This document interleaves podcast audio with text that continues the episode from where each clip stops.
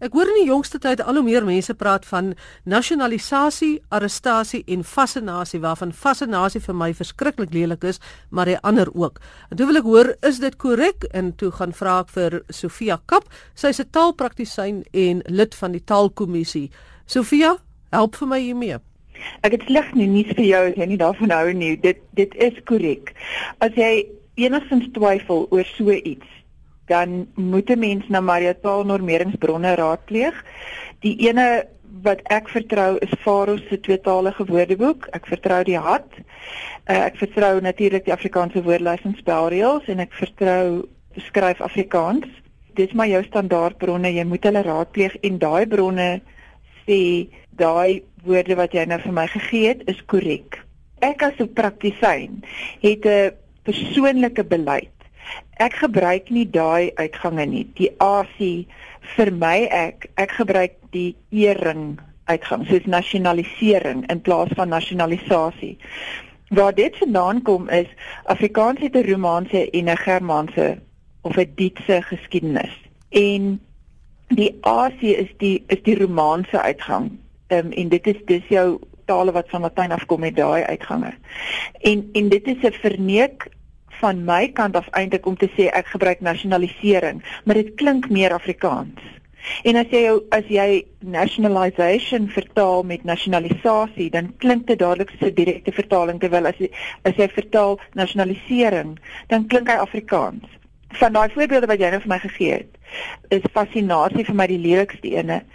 Dis nie 'n woord wat ek gebruik nie, hoewel hy in die woordeboeke voorkom.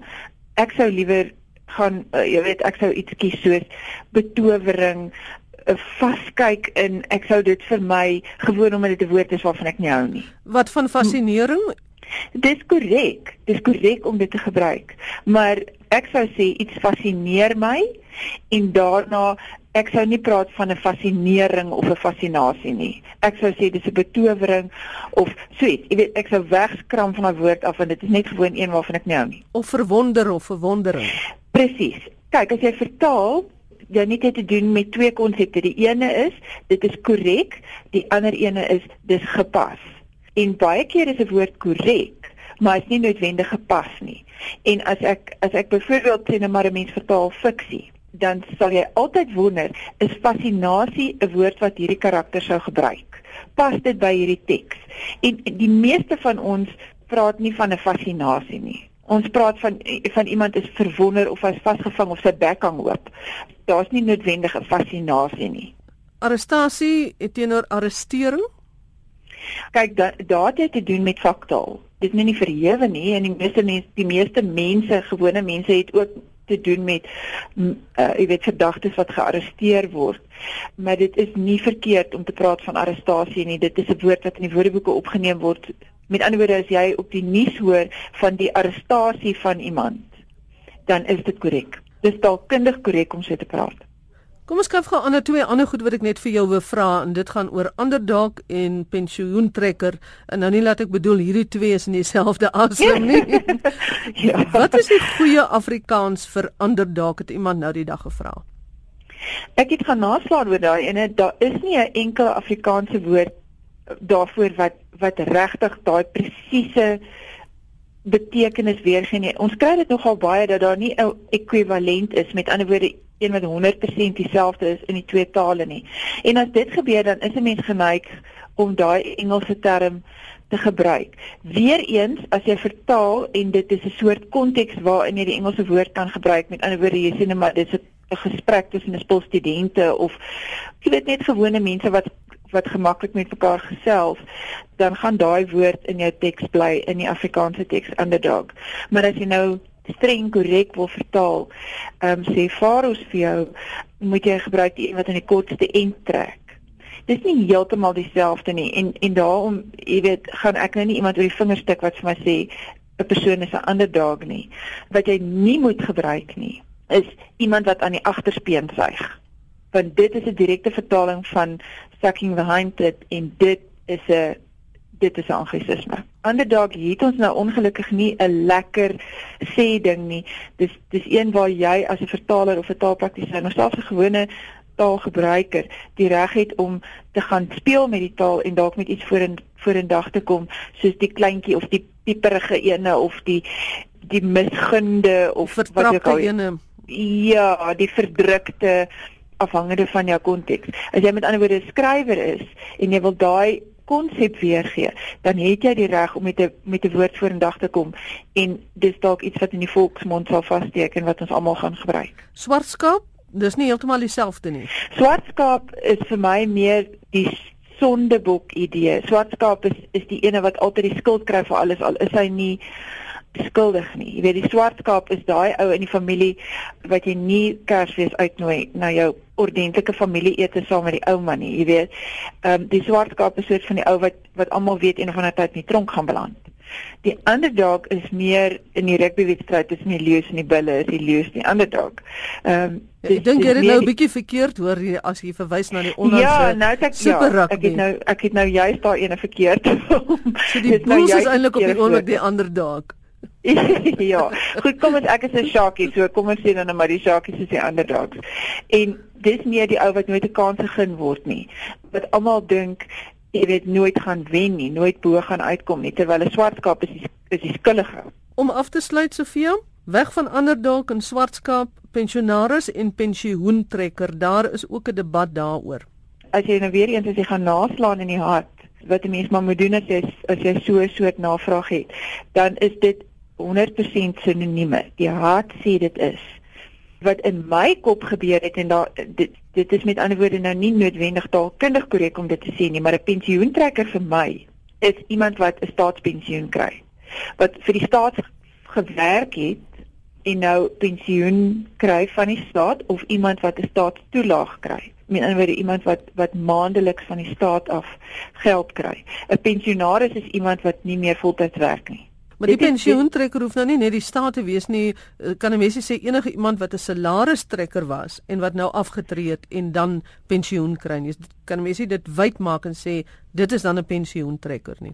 Kyk wat ek nou vir jou sê is dis wat in my kop gebeur het. Mm. Is 'n pensioentrekker is iemand wat soos jy net sê vir 'n salaris gewerk het, maar wat wat van 'n fonds af 'n pensioen kry. Ja. 'n Pensionaris is is nie noodwendig iemand wat jy weet hy kry ook uit 'n anniteit of wat ook al 'n toelaag maar hy is hy is nie noodwendig iemand wat 'n pensioen by die staat kry nie. Dit is nie taalkundig korrek vir my om daai onderskeid te maak nie of daai onderskeid word nêrens in taalnormeringsbronne onderskryf nie. Dit is sommer iets wat ek uitgedink het. Maar dit het nou in my kop so gaan vassteek. En ek dink dit dalk iets wat in leuke taal ook gebeur. As jy praat van 'n pensioentrekker vir my, dan gaan dit daaroor dat jy maandeliks 'n toelaag kry. 'n Pensionaris is iemand wat afgetree het. Dit het met met ander woorde min te doen met betekenis, maar meer met konteks waarin jy daai woorde sou gebruik. Ek sou byvoorbeeld sê net maar mense te nuusberig oor 'n uh, pensioene wat uitbetaal word op 'n bepaalde dag van die maand. Dan sal ek sê die klomp pensioentrekkers het daar in die ry gestaan en wag vir hulle pensioen. Maar as ek sê um, ek het by 'n restaurant gaan eet en daar is 'n spesiale aanbieding vir mense bo 65, dan sal ek sê dis 'n spesiale aanbod vir pensionaarsse, nie vir pensioentrekkers nie. Nou ja, Sofia Kap, taalpraktisyn en lid van die taalkommissie, ek en jy sal ongelukkig nou nog nie vir daardie pensionaris afslag by die restaurante kwalifiseer nie. Ek Ons sal maar saam met die vriende gaan wat pensionarisse is. ja. Nou baie dankie Sofia Kap, sy's 'n taalpraktisyn en ook lid van die taalkommissie. 'n Ander navraag wat ek op die webtuiste opgetel het, is na die vertaling van 'n spyskaart en sekere kosse wat in Frans en Italiaans genoem word. Hoe vertaal mense dit in Afrikaans? En toe ek in RSG se glanskok Franswa Ferreira nader gekry om vir ons te sê wat is die beginsel? Moet 'n mens vertaal of nie? Gaan baie mense nie met my saamstem nie, maar ek voel wanneer dit Frans of 'n ander taal is, moet 'n mens nie oor vertaal nie. Maar wanneer jy kan oor vertaal, jy weet soos hoekom die woord stok gebruik as jy ekstrak kan gebruik? Jy weet so hoekom jy sê bees stok of hoender stok in plaas van hoender ekstrak of bees ekstrak so dan voel ek dan moet die taal dit verander maar as dit 'n bees ragu is 'n ragu word op 'n sekere manier gemaak so dan moet ons sê dis 'n ragu nie 'n bees breedie nie Daar was so op 'n stadium 'n guur gewees wat ek amper sê waar al wat 'n restaurant is, uh, wou hulle spyskaart in Afrikaans vertaal. Nou, ja, dit weet ek het nie lank gehou nie. Weet jy dit is jammerte. En want daar die mooiste taal uitgekom. In George White Place daar 'n restaurant met die naam van The Rose. En hulle het Afrikaanse spyskaart en 'n uh, Engelse spyskaart. En die Afrikaanse spyskaart lees soos poësie, soos prosa, jy weet. En dit is nou, jy weet, byvoorbeeld ehm um, biltongslaai met 'n sweempirasie net om jou jou jou palet te verhit. Dit is darem maar mooi, is dit nie? En en dan weet die persoon presies wat hulle kry. Hulle weet daar's nie baie baie brandrusie in nie en en uh, al daai tipe van goed, jy weet. Kom ons gaan nou na spesifieke woorde toe. Iemand het op 'n webtuiste gevra wat sou die Afrikaans wees vir moes en vir vinaigrette en croutons en daardie tipe van woorde. Wat sou jy sê? Wel, vinaigrette is 'n Franse sous. Dit is 'n spesifieke styl. Vinaigrette is vinaigrette. Uh, jy kan sê dit is 'n Franse sous, maar dan kan dalk vir Franse sous staan drie 30 variante. So, uh, maar vinaigrette weet jy spesifiek is asyn, olie, bietjie mosterd, sout en suiker en daar sê. Moes is 'n moes. Jy weet, ek kan nie in Afrikaanse dink as jy dink M O S M O E dan moes jy getrou het of moes jy nie getrou het nie. Ek ek weet nie wat dit is in hoe of sê 'n room wat ek weet nie ek kan nie aan 'n naam aan 'n naam dink daarvoor nie. Opgeklitste room sjokoladeskommel of so iets. Ja, maar kyk nou daar, dit word dit hierdie hele hele lange sin. Nou kom ons by croutons of soos die Franse sê hier deur die neus. Crouton, kan 'n mens hom vir Afrikaanse sê croutons? Crouton, ja, crouton. Ja, ek ek sal mag gemaklik is die crouton se crouton en jy kan dit 'n crouton noem of 'n crouton. Baie Afrikaners nasaleer ook maar. So hulle kan ook maar sê jy weet 'n crouton, jy weet maar ehm um, die crouton dink ek sal werk vir my. Dan kom ons by chicken cordon bleu. Baie mense wat natuurlik sê gordon bleu wat verkeerd is. Iemand gee toe hier die die aanduiding maak dit cordon bleu hoender. Kan 'n mens dit doen of waar kom hy cordon bleu vandaan? Cordon bleu is 'n spesifieke styl van hoe jy dit doen. Jy weet hy word gekrummel, hy word gevul in dat dit so jy weet wat 'n cordon bleu is. Ek sou dink 'n hoender cordon bleu sal vir my werk in die akademie het jy cordon bleu en dit het gekom van die cordon bleu skool en baie jare tog ewe terug toe is een van ek ek weet nie wat se Franse koning dit onthou nie het vir sy uh, mistress uh, wat is die Afrikaanse woord vir mistress nee nou weet ek jy hou vrou hou vrou so sy was ja sy sy skelmpie kom ons sê eers skelmpie dis 'n goeie want hy het 'n vrou ook gehad. So vir sy skelmpie se ehm um, se chef wil hy eer gee en hy kon nie vir haar 'n uh, 'n uh, titel gee nie. Die gee haar van die hoogste eer wat vir 'n uh, siviele mens kon gee was die cordon bleu en dit is die blou koord om die nek om te sê ek hou van jou kos en daai en dit is waar jy dan daaraan die cordon bleu skole gekry het en wat die vrou het toe 'n skool begin. Daar is nog twee woorde wat hierdie luisteraar gevra het en dit is parmesan slivers wat sou dit in Afrikaans wees? Parmesan skaafsels. En dan Peppadeel, is dit 'n handelsmerk of kan 'n mens dit vertaal? Ja, Peppadeel is 'n handelsmerk. As 'n mens gaan eet by sekere restaurante, dan kry jy dat die spyskaart baie keer eh, in so in sy oorspronklike taal geskryf is, sê net maar Frans of Italiaans, dat jy eintlik nie verstaan wat daar is nie. Kyk, wanneer 'n mens ek dink dit is natuurlik pretensie baie pretensieus om dit so te doen as jy dit doen, raad hom dan goed vertaal deur 'n baie taalkundige vertaal sodat jy weet wat is in Engels en Afrikaans reg lees. Ek was al by baie restaurante en ek het redelike goeie kennis van Frans. As jy res as jy spyskaart in Frans geskryf en as die vertaling heeltemal verkeerd. So, ehm uh, kry dit reg, kry spandeer as jy dit sou wil doen, spandeer jy 'n bietjie geld en laat die mense dit jou reg vertaal. En so sê François Ferreira, er is gee se glanskok in 'n baie interessante koskenner en kosmaker. En nou is dit tyd vir ons taalspeletjie. Vandag is dit weer tyd om 'n bietjie te speel met verkleiningsforme. Ek sê tafel en jy sê en spel tafel kie. T A F E L T J I E. Hier gaan ons. Stem. Psalm. Gat. Glas. Heining. Insek. Kafee. Echo en ertjie. Professor Bertus van Rooi, professor in taalkunde aan die Val Driehoek kampus van die Noordwes Universiteit, het ingestem om ons bietjie te help hiermee. Bertus, is daar enkele beginsels volgens die Afrikaanse woordelys en spelreëls of uh, volgens jou kennis oor die hantering van verkleiningsforme in Afrikaans? Gerard, Afrikaanse verkleiningsforme is vir nie moedertaalsprekers nogal moeilik, maar die meeste moedertaalsprekers kry dit redelik maklik onder die knie. Daar is 'n stelsel, maar daar's 'n goeie 6 of 7 verskillende verkleiningsforme. Aan die een kant moet 'n Afrikaanssprekende maar gewoon op intuïsie af sê, ek dink dit is die verkleiningsforme, dit dit klink reg hier en dan moet ons uitwerk wat is die korrekte spelling van daardie vorm. Maar vir iemand wat soms 'n bietjie wonder en veral vir kinders op skool, die onderwysers kies natuurlik juist die moeilike gevalle en vra nooit die maklike gevalle nie, maar dis nou maar deel van die leerproses, leer ook die moeilikes by. Maar kom ons probeer 'n paar basiese riglyne neerlê. Ek dink as mens aanvaar die basiese vorm van die verkleining in Afrikaans is eintlik ki en gespel T J I E. Dan kan ons sê as jy twyfel, gebruik hierdie vorm, maar luister hoe jy dit self uitspreek en pas dan daarvolgens aan. So ons sal in jou voorbeelde ki gebruik by egokie, ons sal dit ook gebruik by ander woorde soos ertjietjie en kafeetjie. Nou ertjietjie klink of ons nou ekstra verkleining aansit, maar Afrikaanse ertjie is nie van self 'n verkleiningsvorm nie. Dis die enigste woord wat ons het om na daardie klein groen balletjie te verwys. In Nederland sou dit wel die verklein verkleiningsvorm gewees het, maar in Afrikaans is dit nie. Daarom mag ons sê ertjietjie.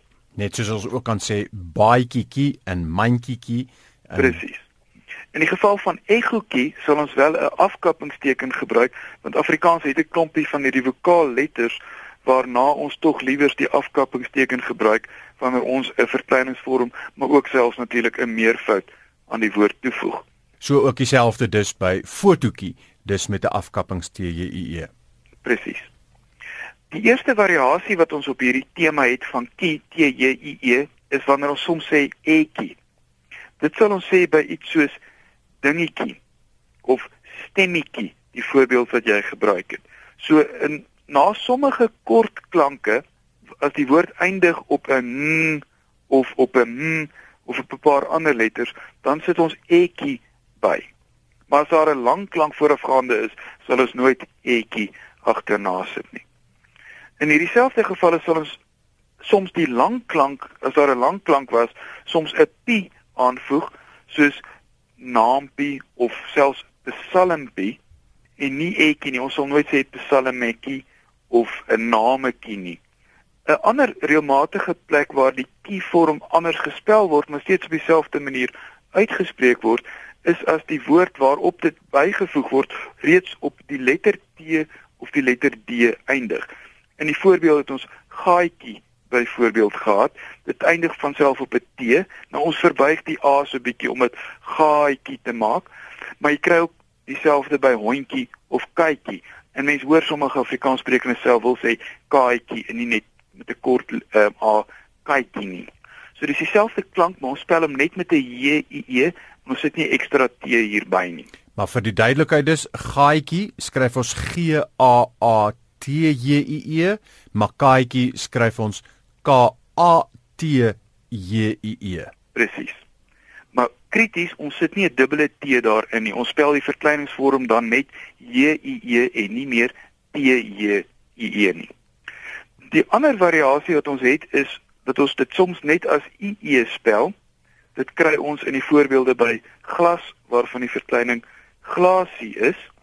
Maar jy sal dit ook kan kry by kraak wat kraakie word of roos wat rosie word oog wat oogie word.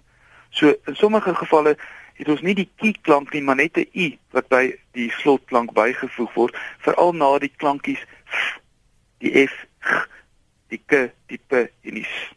So Bertus as ek jou reg verstaan, gaaitjie skryf ons G A A T J I E, maar glasie skryf ons G L A S I E. Dis reg, met geen T J meer in die spelling by glasie nie. Dan is die laaste spelvariant wat ons het K I E wat ons kry in insekkie, maar ook in bakkie en dakkie natuurlik. Maar ons kry dit ook soms as 'n woord eindig op 'n NG. Soos in doring verkleining doringkie. Horing, horingkie. Heining, heiningkie ook onder die voorbeelde. So as dit eindig op 'n NG en dit word voorafgegaan deur 'n kort 'n klank, dan is die verkleining vorm KIE, maar dan in die spelling gaan daardie G wegval. So in die geval van heining spel ons die verkleining H E I N I N K I E, nie N G K I E nie. Bertus, nou dit lyk dan vir my sommer baie maklik. Baie dankie. Ek praat graag volgende keer weer met jou. As jy enige vrae het, stuur gerus vir my by taalvraag@rsg.co.za.